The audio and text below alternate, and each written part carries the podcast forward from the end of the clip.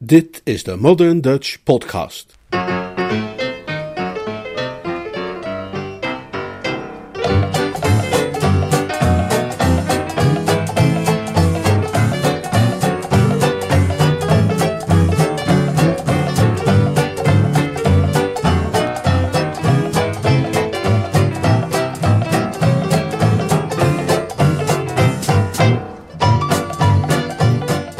Bingo en de Pekinezencrisis. Een verhaal van P.G. Woodhouse uit de bundel Eggs, Beans and Crumpets.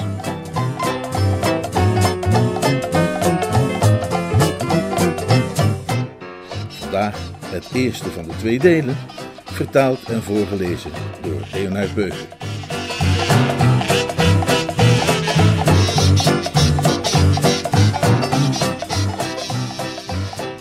In de rooksalon van de Drones Club liet een snor zijn pijnlijke benen zien aan een paar kale en oliekoeken toen er een baardmans binnenkwam. Na even te hebben stilgehouden bij de bar om een Annie's Night Out te bestellen, liep hij op het groepje af. Wat, vroeg hij, is het probleem? Hij had zijn verhaal al vaker verteld, veel vaker zelfs, maar de snor barstte enthousiast los. Die maffe Bingo Little! Belde gisteren bij mij thuis aan met een valse Pekinees bij zich en probeerde mij met dat beest op te zadelen. Ja, en hij zei dat hij het had meegebracht als verjaarscadeautje, vulde een van de kalen aan. Ja, dat beweerde hij tenminste, beaamde de snor. Maar dat sloeg nergens op. Ik was helemaal niet jarig en dan was ik jarig geweest. Hij moet toch voldoende weten wie ik ben, om te beseffen dat ik niet de minste behoefte heb aan een verdomde mensenetende Pekinees, met tanden als gifnaalden en de neiging om bij de kleinste kleinigheid agressief te worden. Ik was nauwelijks begonnen het marble weer voorzichtig de deur uit te werken, of in een flits draaide het zich om en beet me in mijn kuit. En als ik niet de tegenwoordigheid van geest had bezeten om snel op de tafel te klimmen, had het nog veel ernstiger af kunnen lopen. Kijk maar eens, zei de snor, wat een lelijke vleeswond.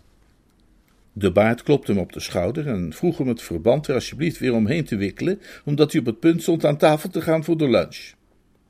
Ja, het is niet zo raar dat wat er gebeurd is jou nogal heeft verbijsterd, zei hij, maar ik kan je toevallig uitleggen hoe het zit.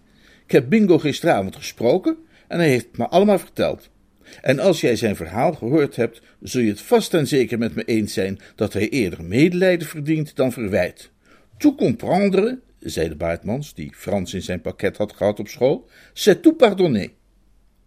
Jullie, ging hij verder, zijn allemaal min of op de hoogte van Bingo's omstandigheden, en ik stel me zo voor dat jullie hem beschouwen als zo'n geluksvogel die het allemaal schitterend voor elkaar heeft. Warm bed, lekker eten en gelukkig getrouwd met een allercharmantste vrouw die ook nog eens ruim bemiddeld is. Rosie M. Banks, de beroemde romanschrijfster om precies te zijn. Kortom, voor hem is het leven, zie ik jullie denken, één groot feest. Maar het schijnt nu eenmaal zo te zijn op deze wereld dat je wel mazzel kunt hebben, maar dat het nooit alleen maar mazzel is. Zelfs in mazzel van ogenschijnlijk het zuiverste water drijft altijd nog wel een dood beestje. In Bingo's geval is dat het feit dat hij zelden of nooit over meer geld kan beschikken dan nodig is om een pakje sigaretten te kopen. Mrs. Bingo lijkt dat het beste te vinden.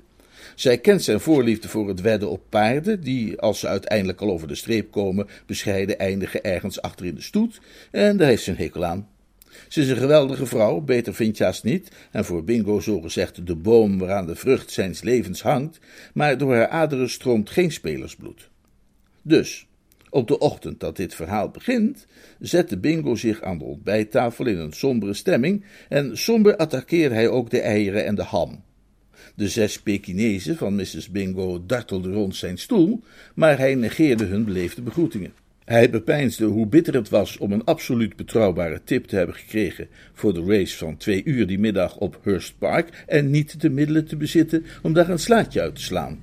Want zijn boekmaker, een man die nog nooit gehoord scheen te hebben van de begrippen klantvriendelijkheid en economische samenwerking, had hem enige tijd daarvoor laten weten dat hij niet langer bereid was persoonlijke charme te accepteren als surrogaat van contante vooruitbetaling.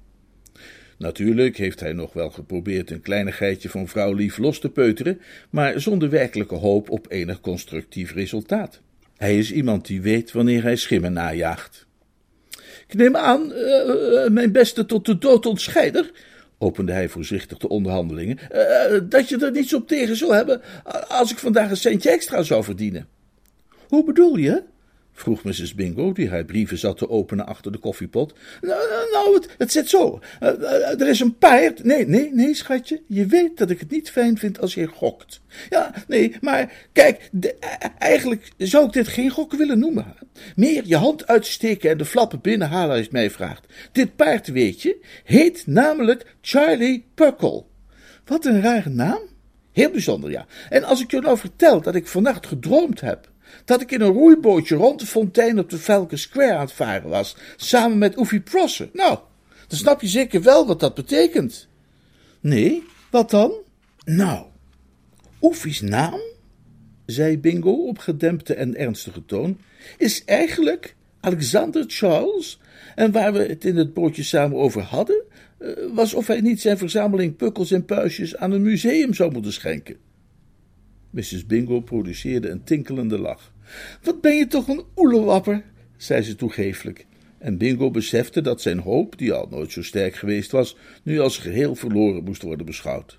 Als dit de houding was die zij aannam tegenover wat toch praktisch neerkwam op een goddelijke openbaring, had het geen enkele zin nog verder aan te dringen. Hij hield zijn kaken dus verder op elkaar en de conversatie boog nogal eenzijdig naar Mrs. Bingo en de meteorologische vooruitzichten voor haar reis. Zij zou die ochtend namelijk vertrekken naar Bognor Regis om daar een paar weken door te brengen bij haar moeder. Na afronding van dat onderwerp was hij juist tot zijn eigen overpeinzingen teruggekeerd toen hij daaruit ruw werd gewekt door een extatische kreet van achter de koffiepot, dermate doordringend van toon dat daardoor een half ei van zijn vork vloog. Hij keek op en zag dat Mrs. Bingo stralend met een brief wapperde. Oh, schattenmetatje, riep ze uit, want op die wijze spreekt ze hem vaak aan. Ik heb antwoord van Mr. Perkins.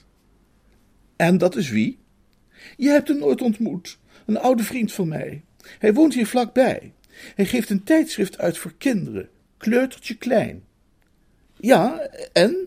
vroeg Bingo, die nog menige parasang of Perzische mijl verwijderd was van waar het om ging. Ik heb het je nog niet eerder willen vertellen, liefste, omdat het misschien niks zou worden. Maar een tijdje geleden zei hij toevallig tegen me dat hij op zoek was naar een nieuwe redacteur voor Kleutertje Klein. En toen heb ik hem gevraagd of hij het niet met jou wilde proberen. Ik heb hem natuurlijk gezegd dat jij er nog geen ervaring mee hebt, maar dat je ontzettend slim bent en dat hij zelf er nog altijd is om je op weg te helpen en dat soort dingen meer. Nou, en toen zei hij dat hij erover zou nadenken, maar dat hij allereerst overwoog om een neef van hem als redacteur aan te stellen. Maar nu heb ik dus een brief van hem gekregen, waarin staat dat die neef voor de rechter is gesleept door zijn kleermaker. En zodoende is Mr. Perkins toch een beetje bang geworden dat de jongen wat al te frivol is van aard. En nu willen jou graag eens zien en een praatje met je maken. Oh, oh, bingo, ik weet zeker dat hij jou die baan wel zal willen geven. Bingo moest dat eerst allemaal even laten zakken. Daarna stond hij op en gaf Mrs. Bingo een tedere kus. Mijn trouwe wederhelft, zei hij. Hij voelde zich buitengewoon opgetogen. Die aanstelling, mocht hij aannemen, bracht iets in de geest van een regelmatig inkomen met zich mee. En iets in de geest van een regelmatig inkomen was waar hij sinds jaar en dag naar had verlangd. Wel overwogen geïnvesteerd op basis van de tips die hij tijdens de nachtelijke uren zo vaak ontvangen mocht vanuit Den Hoge, kon een dergelijk stipendium binnen afzienbare tijd eenvoudig uitgroeien tot een aanzienlijk vermogen. En losgezien van de materiële kant van de zaak was het idee om tijdschriftredacteur te worden, met alle ongekende mogelijkheden van een redacteur om een beetje de baas te kunnen spelen en belangrijk te kunnen doen, iets wat hem wel aantrok. Hij keek er naar uit om medeleden van de Drones Club geestdriftig op te porren bijdragen in te sturen voor ons kinderhoekje en die dan glashard af te keuren en terug te sturen met de mededeling dat ze helaas niet van het door hem verlangde niveau waren. Hij is samen met zijn vrouw op bezoek geweest bij een tante in Tunbridge Wells en komt morgen terug. Hij zou met jou willen afspreken om twaalf uur onder de klok op Charing Cross Station. Lukt dat? Nou en af, zei Bingo. Ik zal er zijn en met mijn haar in een vlecht als de oude Spartanen. Je zult hem kunnen herkennen, schrijft hij, aan zijn kleding. Hij draagt een pak van grijze tweed en een gleufhoed. En ik, zei Bingo een tikje uit de hoogte, zal gekleed zijn in jacket en hoge hoed. Hij kuste Mrs. Bingo nog een keer, zo mogelijk nog iets tederder dan de eerste keer, en kort daarna was het moment dat zij in de wagen stapte die haar naar Bognor Regis zou brengen. Bij de voordeur nam hij afscheid van haar, en er waren daarbij ongeplengde tranen in haar ogen. Haar emoties bij dit vertrek werden nog verhevigd, doordat zij, aangezien haar moeders huis mede bewoond werd door een groot aantal katten, haar zes Pekinezen moest achterlaten. Zorg goed voor ze, hè, terwijl ik weg ben, zei ze zachtjes met gebroken stem, terwijl de honden de auto binnenstormden en er door Bagshaw, de butler, weer uitgebonjourd werden. Je zult toch goed voor ze zorgen, nietwaar, liefje? Als een vader, zei Bingo. Hun welzijn is mij een bron van voortdurende zorg. En hij meende het ernstig. Hij was erg op die Pekinezen gesteld. Zijn relatie met hen was altijd gebaseerd geweest op wederzijdse toeneiging en respect. Zij likte zijn gezicht, hij kriebelde hun buikjes. Een aangename onderlinge uitwisseling van beleefdheden en mutuele samenwerking. Vergeet niet ze elke avond hun suikerklontje te geven. Je kunt me tot er dood vertrouwen, zei Bingo. En ga even langs bij Boddington en Biggs voor Ping Poes halsband. Die hebben ze gerepareerd. Oh, en wacht even, zei Mrs. Bingo, terwijl ze haar tasje openmaakte en een paar bankbiljetten tevoorschijn haalde. Als je toch bij die Boddington en Biggs langs gaat, betaal dan meteen even hun rekening. Dat scheelt mij weer het uitschrijven van een cheque. Ze drukte hem twee briefjes van vijf pond in de hand, omhelsde hem nog een keer en reed weg, terwijl hij haar nazwaaide vanaf de stoep. Dat nazwaaien noem ik nog even speciaal, omdat het van veel betekenis was voor wat er daarna gebeurde. Je kunt namelijk niet zwaaien met een handvol briefjes van vijf, zonder dat die gaan ritselen. En briefjes van vijf kunnen onmogelijk gaan ritselen in de hand van een man die rechtstreekse informatie heeft ontvangen uit betrouwbare bron, dat een paard waar één om zeven op wordt gewet, de race van twee uur op Hurst Park gaat winnen, zonder dat ze daarmee in het hoofd van die man een bepaalde redenering in gang zetten. Die auto was nog niet de hoek om, of de slang had al zijn lelijke kop opgestoken in deze tuin van Ede. Huize Little was zo'n pand op ruim bemeten eigen grond aan de rand van Wimbledon Common, en fluisterde in Bingo's oor: Wat zeg je ervan, makker? Nu is Bingo op reguliere momenten en onder normale omstandigheden vanzelfsprekend de eerlijkheid zelf, en zou hier niet over piekeren om fondsen die legitiem toekwamen aan een firma in Bond Street om te leiden langs meer private en persoonlijke kanalen. Maar hier benadrukte de slang, en Bingo was dat met hem eens, was duidelijk sprake van een speciaal geval. Het was allerminst bedoeling, voerde de slang aan, Boddington en Biggs tekort te doen. Die gedachte kon onmiddellijk terzijde worden geschoven. Waar het op neerkwam was dat, als Bingo deze briefjes van vijf bij zijn boekmaker in bewaring gaf ter ondersteuning van de kwaliteiten van Charlie Puckle in de race van twee uur, eh, Boddington en kameraad hun geld morgen zouden krijgen in plaats van vandaag.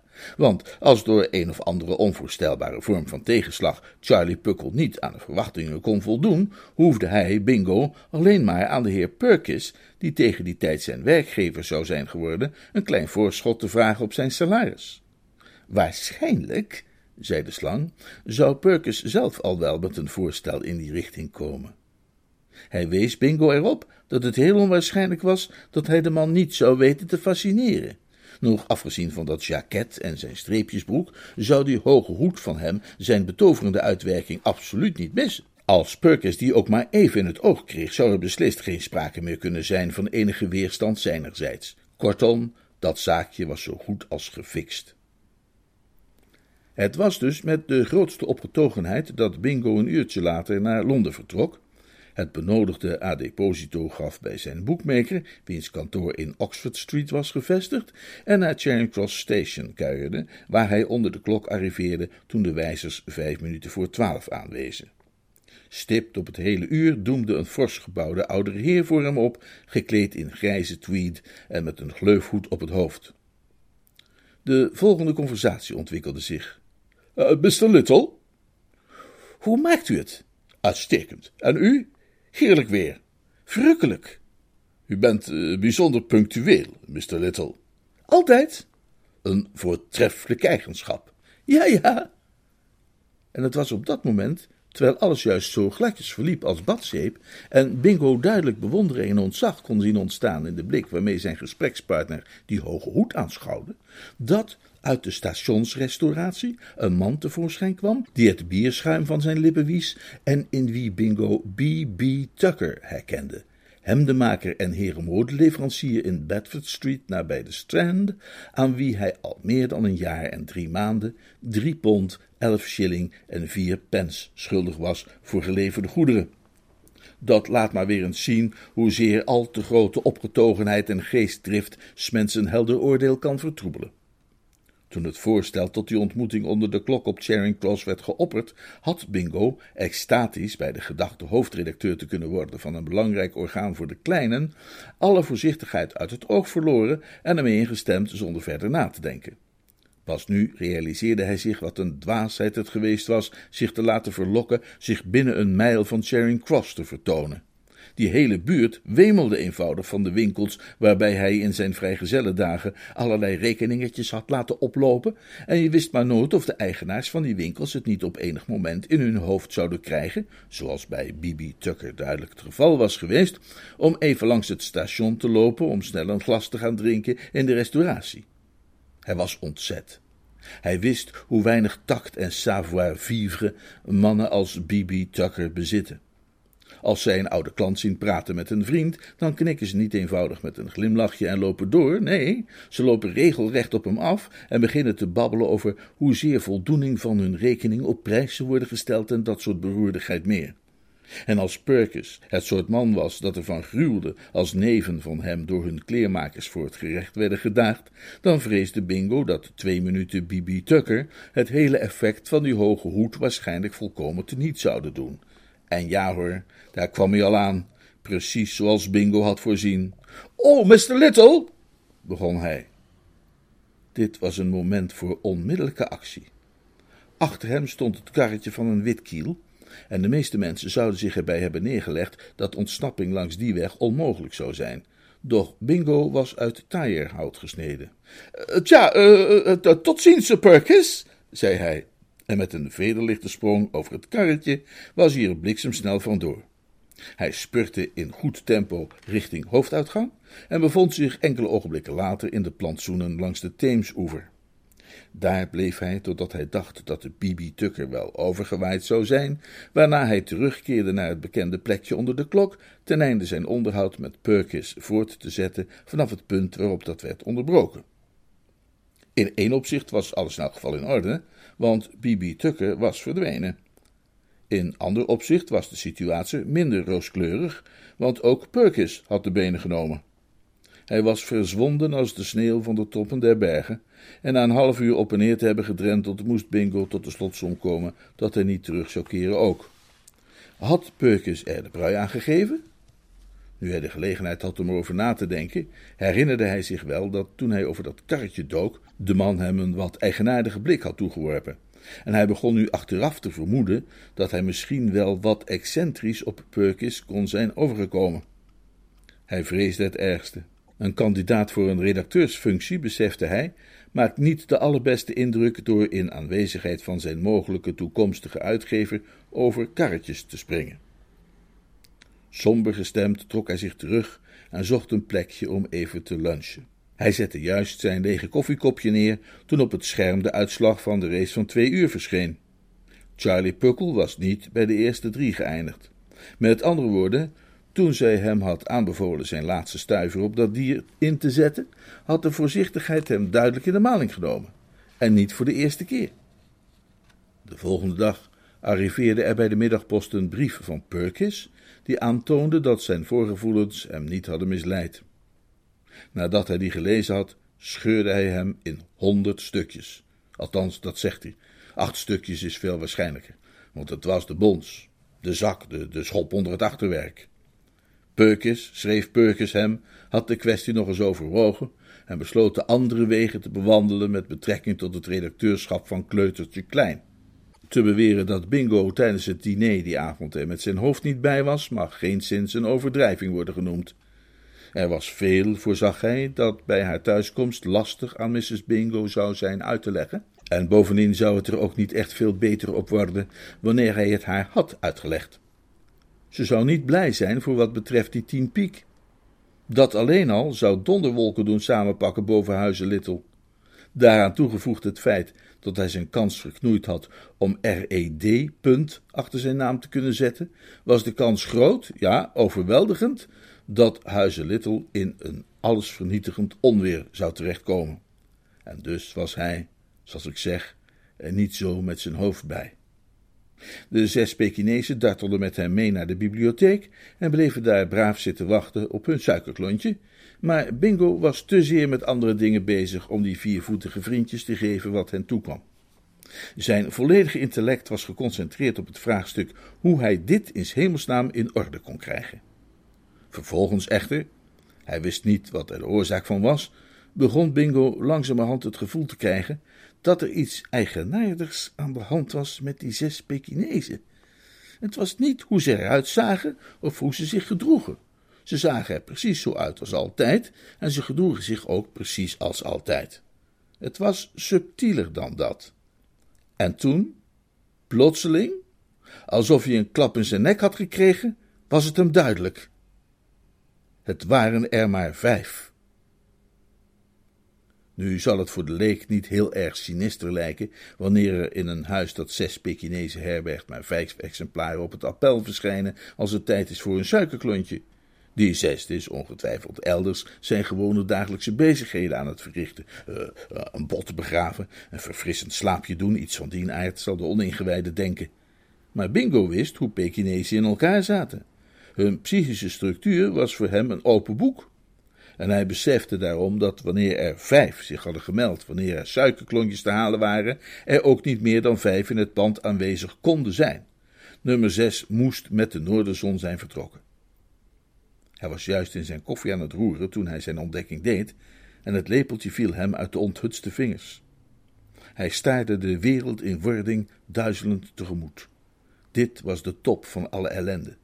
Dat begreep hij maar al te goed. Al het andere stelde daarbij vergeleken nauwelijks iets voor. Zelfs het achteroverdrukken van die tien piek voor Boddington en Biggs niet.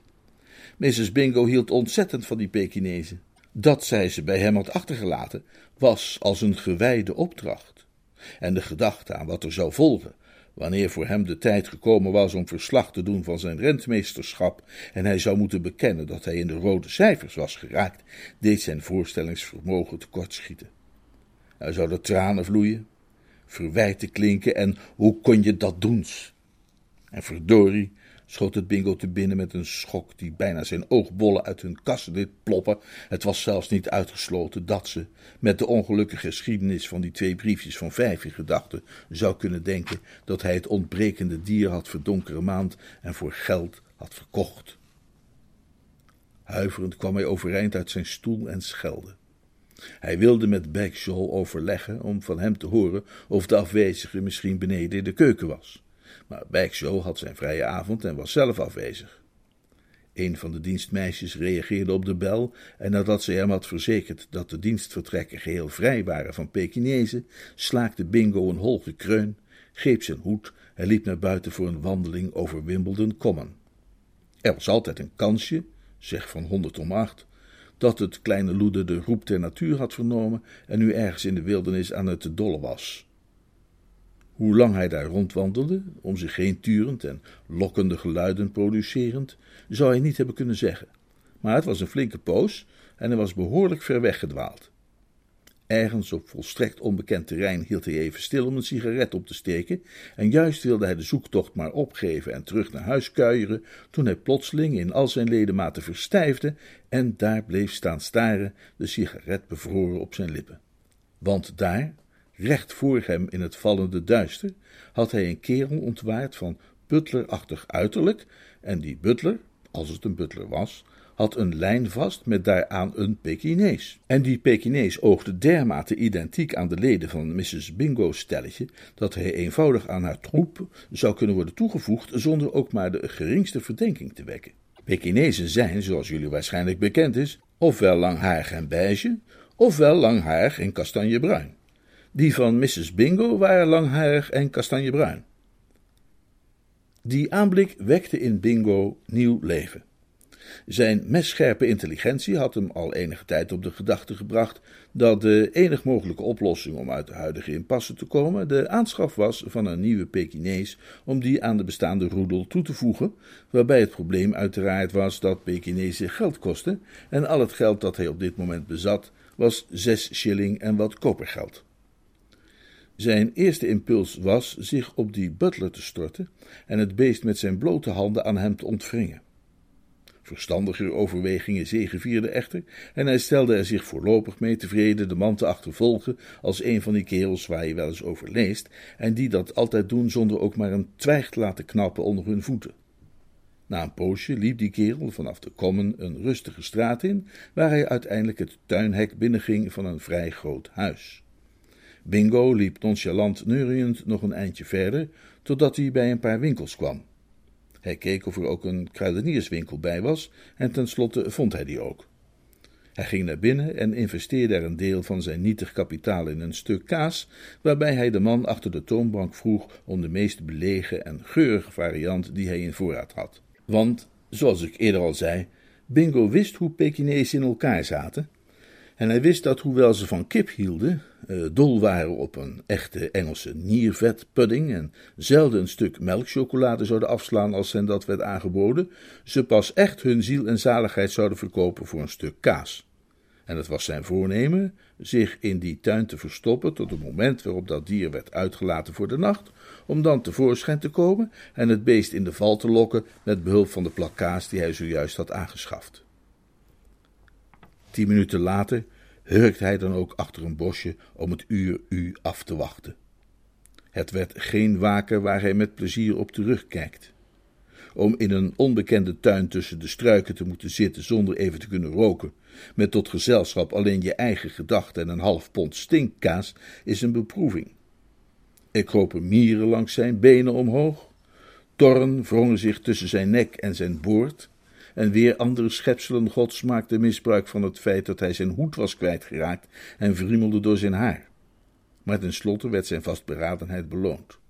Er werd een terrasdeur opengeworpen en de Pekinees kwam naar buiten gestapt in de poel van licht die ontstond door het lamplicht dat naar buiten scheen, gevolgd door een wat oudere, stevig gebouwde man.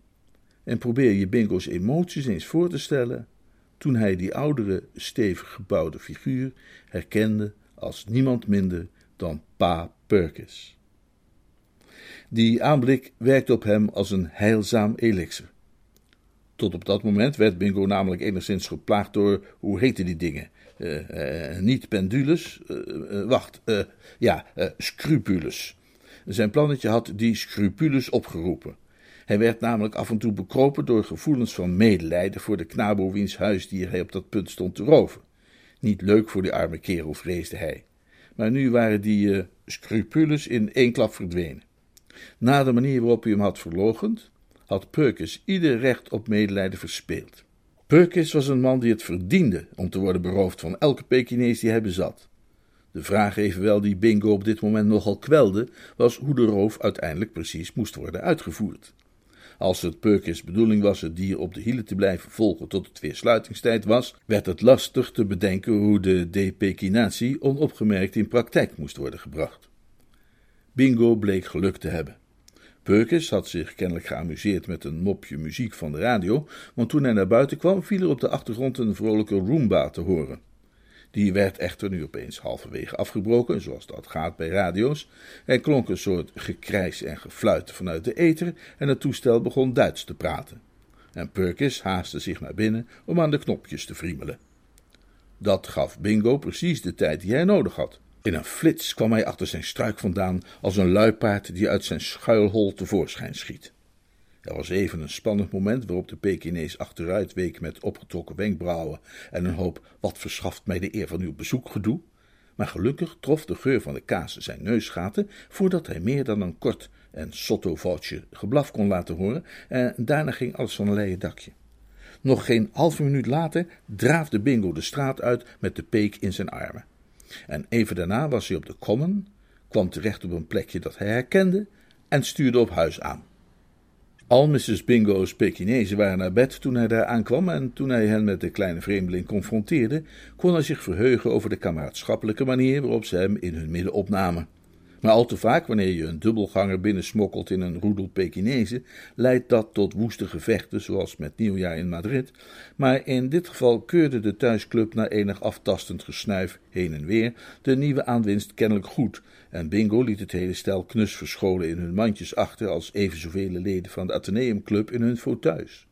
Hij liep naar de bibliotheek en schelde. Hij wenste, indien Bagshaw was teruggekeerd, de kwestie bij hem aan de orde te stellen van een ferme whisky en soda.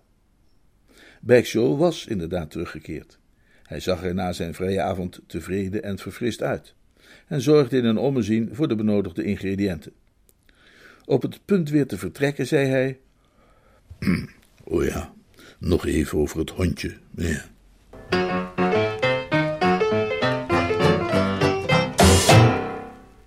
Dit was het eerste deel van dit verhaal. Volgende week volgt in de Modern Dutch Podcast het tweede en laatste deel.